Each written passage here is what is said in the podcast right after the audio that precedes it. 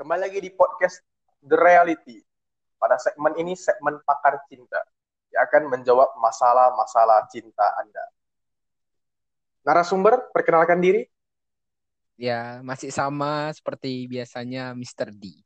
Oke, Mr. D. Baik. Ini ada pertanyaan dari Riari. Mengapa cinta dapat tumbuh orang yang berbeda? Hmm. Menurut saya ini, Ya, menurut Mr. D. ya menurut saya ya karena manusia itu makhluk sosial, jadi dia butuh seseorang lagi gitu, pasti itu. Kalau menurut host sendiri Oke. gimana? Oke, pakar cinta akan menjawab.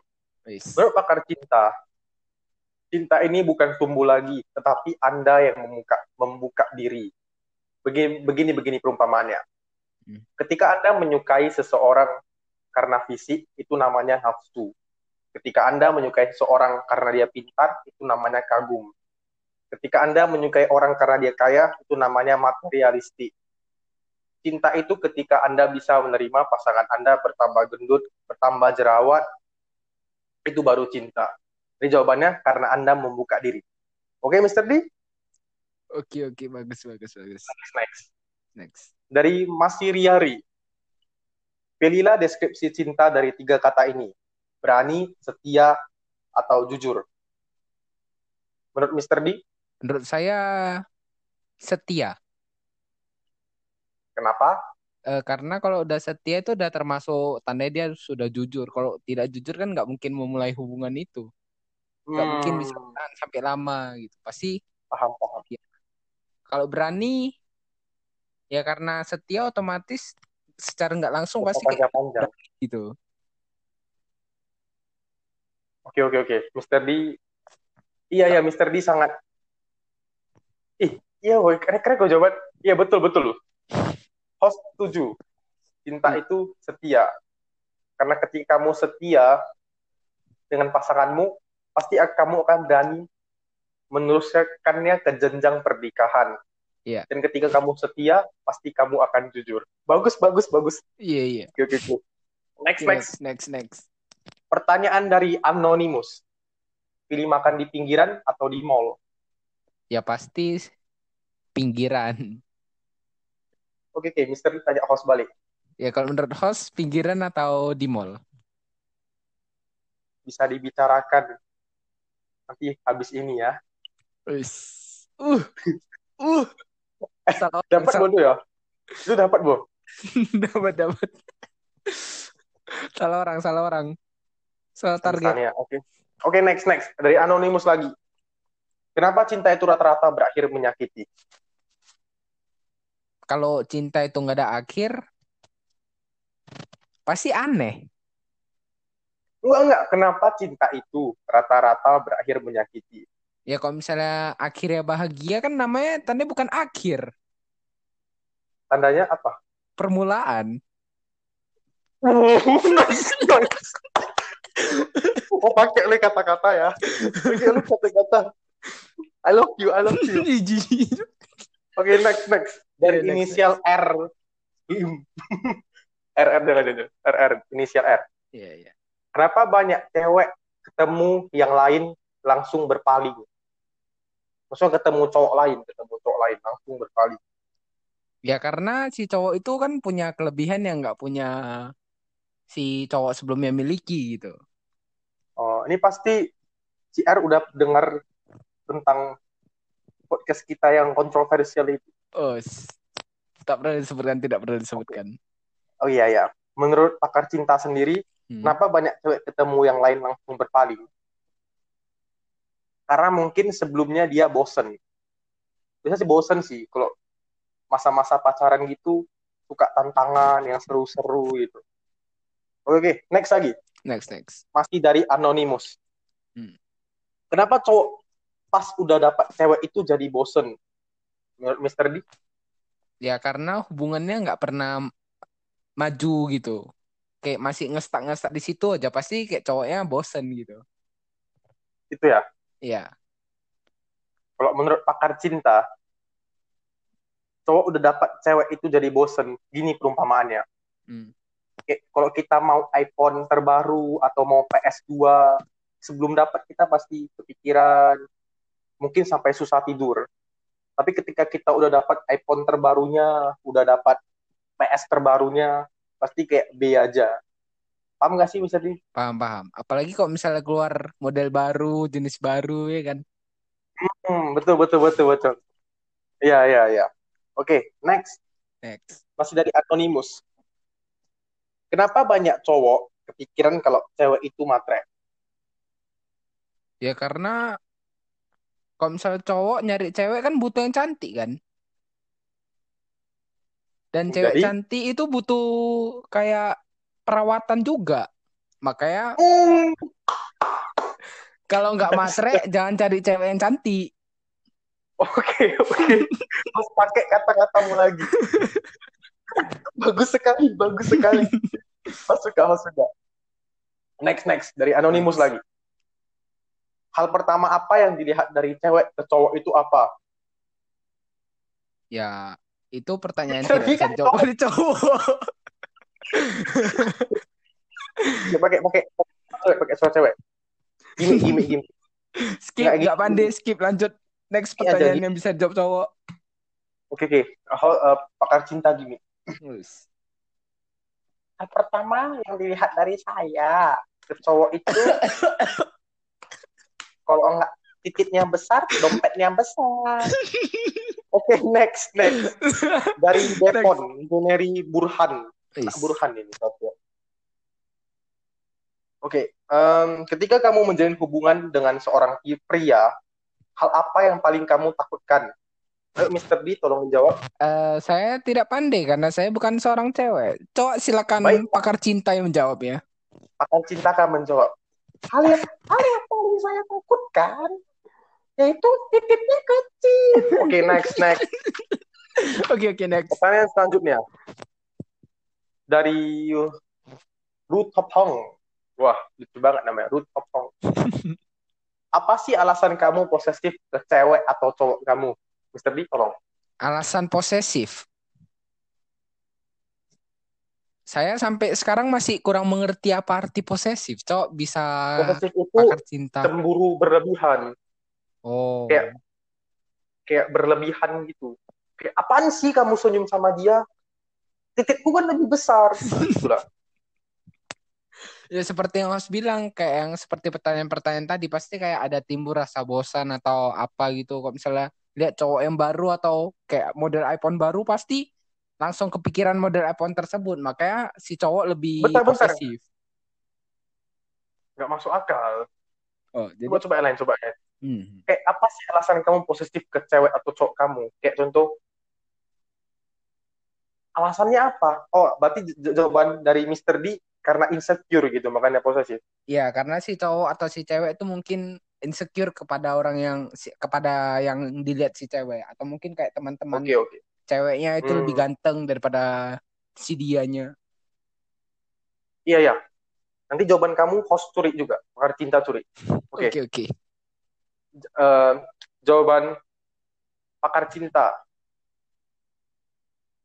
Posesif itu ketika nggak kamu dipegang. Kayak host, kayak pakar cinta punya pasangan nih, ya kan? Hmm. nggak apa-apa pakai baju-baju seksi dan lain-lain, nggak apa ketawa sama orang. Tapi kalau udah dipegang itu nggak senang. Hmm. Nah itu baru baku hantam. Itulah yang Iya. paling membuat pakar cinta posesif. Kalau misalnya Oke next dari Oke ya kenapa Mister D? ya kalau misalnya kayak punya saya punya teman gitu kan. Dia seorang perempuan Hmm, gitu. Dia kalau misalnya Iya, iya. dipegang-pegang gitu nggak suka juga apalagi kayak misalnya orang lain yang megang gitu. Mungkin dari si ceweknya lebih ngeprotektif dirinya sendiri daripada pasangannya mungkin. Menurut saya sih begitu. Iya betul. Kalau cewek emang protektif, iya. Tapi kalau di, maksudnya kalau dia dipegang, host ya nggak mungkin marah sama pasangan pakar pasangan host. Ya Oh. pasti marahnya ke yang megang. Paham, Tapi kalau dia yang megang, uh, kesel banget gak sih? Paham, paham, paham, paham. Paham paham kan? Oke oke oke Mister D. Next, Next. dari Wah, ini yang nanya Contau Daniel. Uh, bahkan Contau pun nanya pakar cinta. Memang ini pakar cinta udah terlalu pro dalam cinta. Iya. Kenapa akhir-akhir ini cewek lebih suka cowok pak boy? Ayo Mr. D. Menurut saya sih dari yang kayak dilihat dari internet atau lebih tepatnya kayak TikTok gitu kan kebanyakan dari kayak cowok-cowok yang bersifat lebih ke bandel-bandel gitu yang lebih ganteng. Jadi kayak misalnya good boy good boy itu jarang ada masuk dalam TikTok gitu loh. Oh, oh karena tete TikTok. Kau kira apa? Iya. Gini nih, pakar cinta akan menjawab. Hmm. Gini,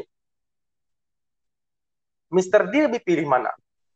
Ke gereja atau ke Wiki Holiday atau Disneyland atau nonton film? Ya. D pasti ke mana? ya pasti ke Mickey Holiday.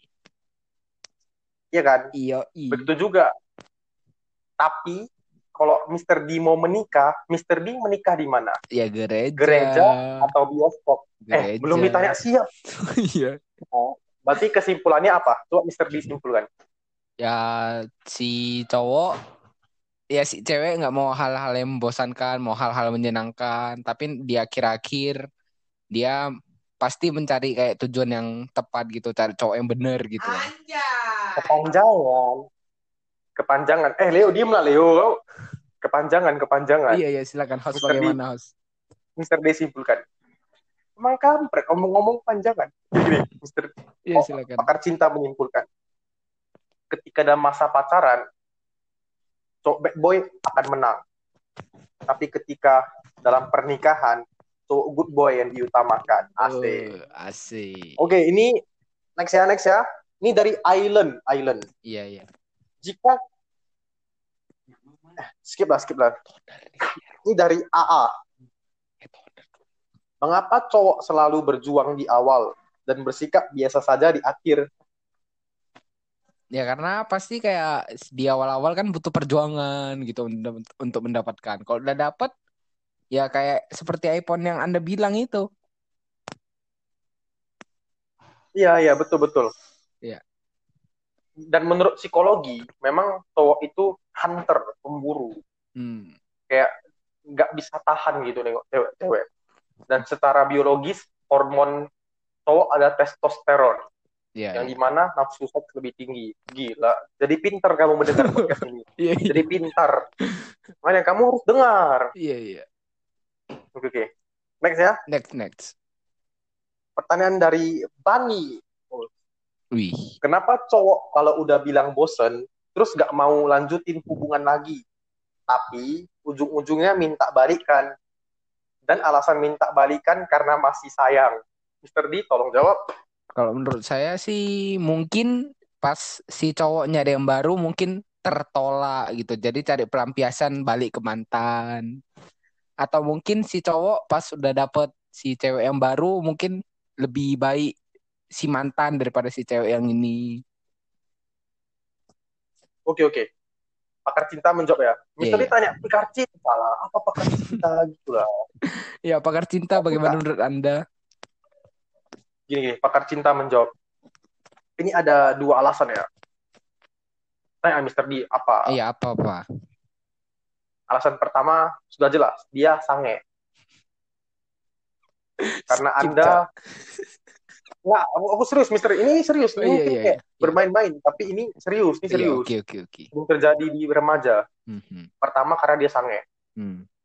Oke? Oke, oke. Kedua, terkadang itu melupakan seseorang itu mudah.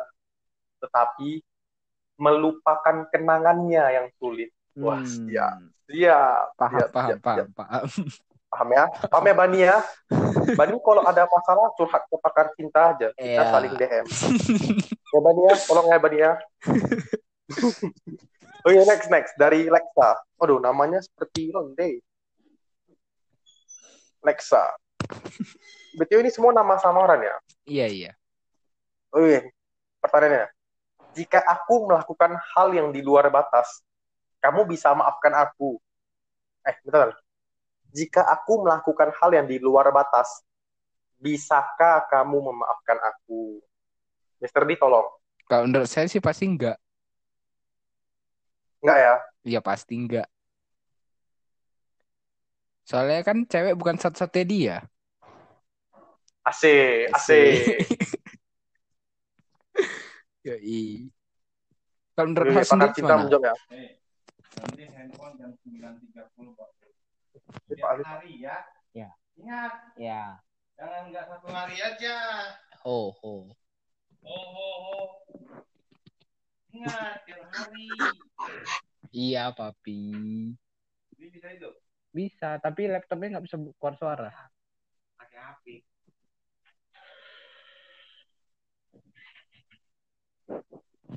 Apa itu? Iklan Kok sejenak. Iklan sejenak, iklan sejenak ya. Tadi iya. ada sponsor lewat. Ya, sponsor lewat. Itulah keluarga Dio. Keluarga Dio memang begitu ya. Maaf itu, Yang itu mendengar. Anda manggil-manggil gitu loh. Dan asik main handphone setiap hari. podcast tapi lagi podcast. Ada rebahan, Cok. Gila pas lagi asik-asiknya, lagi lagi ngalir ya. Ini, ini podcastnya cantik loh. Malah ada gangguan. Oke, next next ya. Ini dari podcast itu bisa diikat nggak? Itu masalahnya tidak bisa. Post semua. Kehidupan keluargamu terser. Cancel kan. Yang penting kan Anda punya narasumber yang lain gitu. Anda kan cuma ingin mencuri jawaban saya. Eh, nggak semua ya. Saya Iya. hitung-hitung kayak dua pertiganya ya. ada lah. Eh, sudahlah, sudahlah. Iya, Ini podcast nih serius nih. Nanti publish juga lu. iya, iya. Balik-balik ke topik, balik ke topik. Lanjut, lanjut. Oke, oke. Jika aku melakukan hal yang di luar batas, bisakah kamu memaafkan aku? Tergantung ya, hal di luar batas itu apa? Kalau jawabannya selingkuh, 100% nggak bisa. Sisanya masih bisa dibicarakan baik-baik. Oke, oke. Dan pertanyaan terakhir, Mr. D, dari Island. Mhm. Jika kita yang hari, uh, ini pasti anak-anak novel ya, anak novel. List. Jika kita yang hari melewati hari bersama-sama, Hmm. tiba-tiba salah satu dari kita akan pergi ke luar negeri untuk waktu yang cukup lama. Siapkah kamu untuk LDR? Ayo Misteri tolong dijawab. Menurut saya tergantung. Kayak tergantung di negara mana dianya. Kalau misalnya negaranya jauh atau entah dari mana gitu, mungkin saya akan memutuskan tidak. hubungan tersebut gitu. Kecuali kalau misalnya deket-deket atau pulangnya beberapa bulan sekali, mungkin saya akan LDR. Tapi kalau misalnya pulangnya berapa tahun sekali, mungkin putus. Hmm. Tek, balik, tek, balik. Ya kalau menurut hal sendiri gimana? Oke. Jawabnya pasti putus apa pun terjadi. Kenapa? Hmm. Secantik-cantiknya kamu, seganteng-gantengnya kamu, sebaik-baiknya kamu, seker-kernya kamu, pasti tetap akan kalah sama orang terdekat. Physical touch, kiss, hug, itu pasti akan menang. Hmm. Dan kepanjangan LDR itu lama-lama direbut juga. Lama-lama direbut. Ah, paham. Itu saja podcast kita hari ini. Oke? Oke, Oke. Oke, sebelum penutup ada kata-kata lagi. Bagi yang galau atau malam minggu jomblo, bolehlah chat-chat sama host. Cewek-cewek lucu, bolehlah DM DM host. Tapi jika Anda cowok-cowok lucu nge-DM host, anjing kau. Oke. Di podcast ini sudah cukup-cukup ya. Misteri ada kata-kata terakhir? Eh, mungkin tidak. Thank you so much ya Iya, iya. sudah menemani. See you next time and di podcast The Reality yang akan membahas topik atau pernyataan yang paling sering ditanyakan teman-teman host. Host, bagaimana sih cara meningkatkan social skill kita atau kemampuan bersosial kita? Sebelumnya, apa gunanya mempunyai social skill yang baik? Satu, tentu saja kamu akan memiliki kenalan yang lebih banyak, sehingga kehidupanmu tidak bosan dengan teman atau pergaulan yang itu-itu saja. Tiga, tugas sekolahmu atau kerjaan lebih mudah selesai, karena lo dapat mengutarakan apa yang ingin kamu sampaikan pada timmu. Dan timmu dapat mengerti apa yang kamu sampaikan dan memahaminya. Empat, lebih mudah mencari jodoh karena pilihan lo atau kenalan lo lebih banyak. Ya nggak itu-itu aja. 5. Kesempatan-kesempatan lo akan lebih banyak dibanding orang-orang yang tidak membuka diri. Dengan mengenal banyak orang, banyaknya kesempatan baru yang akan lo raih. Ketika lo mengenal lebih banyak orang, lo tidak akan pernah tahu. Mungkin dia akan menolong Anda di masa depan. Who knows? Jika kita menutup diri untuk berkomunikasi dengan yang lain, maka kesempatan yang kita dapatkan akan menjadi sangat terbatas. Itu adalah beberapa manfaat yang host sampaikan. Banyak dari mereka yang merasa tidak memiliki kemampuan sosial, memiliki masalah yang sama atau ciri-cirinya sama. Seperti ini. Satu, takut ketika memulai pembicaraan. Banyaknya orang yang social skill kurang baik takut mem memulai pembicaraan. Mereka menunggu orang lain yang memulai pembicaraan dahulu. Sekarang host katakan, Anda yang harus memulai dahulu. Lo yang harus mulai ya. Dua, tidak pede. Tidak pede di sini. Nggak berani ngomong lah. Nggak berani mulai ngomong sama dia lah. Dia ganteng. Dia cantik. Dia pintar. Mana mungkin gitu dia mau ngomong sama aku. Next. Pas kumpul rame-rame bingung mau ngomong apa dan kapan harus ngomong pasti lo semua pernah kumpul rame-rame segeng. Kayak segengmu lagi ngomong lu cuma diam-diam mereka ngejokes baru lu kayak hahaha ketawa gini ketawa pelan-pelan. Dan pas mau ngomong kayak aduh tunggulah nantilah tunggulah nantilah. Ini bukan waktunya. Itu. Selanjutnya empat. Sudah overthinking duluan belum mulai ngomong sudah berpikir macam-macam aduh nanti dia bilang aku caper gak aduh nanti dia gini gak bla bla bla bla itulah masalah-masalah yang dihadap dipimpin oleh orang yang merasa kemampuan sosial mereka kurang. Orang dengan sosial skill yang baik dapat berbicara dengan orang orang baru, memiliki kenalan yang banyak. Pasti lo, semua berpikir, bagaimana sih bisa seperti mereka? Atau tipsnya apa? Jangan khawatir, kali ini host akan membagikan tips jitu. Bagaimana orang memiliki sosial skill yang baik? Bagaimana cara menjadi orang yang memiliki social skill yang baik. Tips pertama, senyum. Iya betul, lu gak salah dengar. Senyum. Senyum adalah hal sepele, tapi betul-betul jitu. Lihatlah contohnya, bayi. Kenapa banyak orang yang menyukai bayi? Hampir semua orang suka bayi dan anak-anak kecil. Karena mereka banyak senyum. Ketika kamu disenyumin orang, pasti kayak enak gak sih? Senang gitu ya kan? Kebanyakan orang ketika berpapasan dengan orang lain akan menunggu orang lain tersebut senyum dahulu.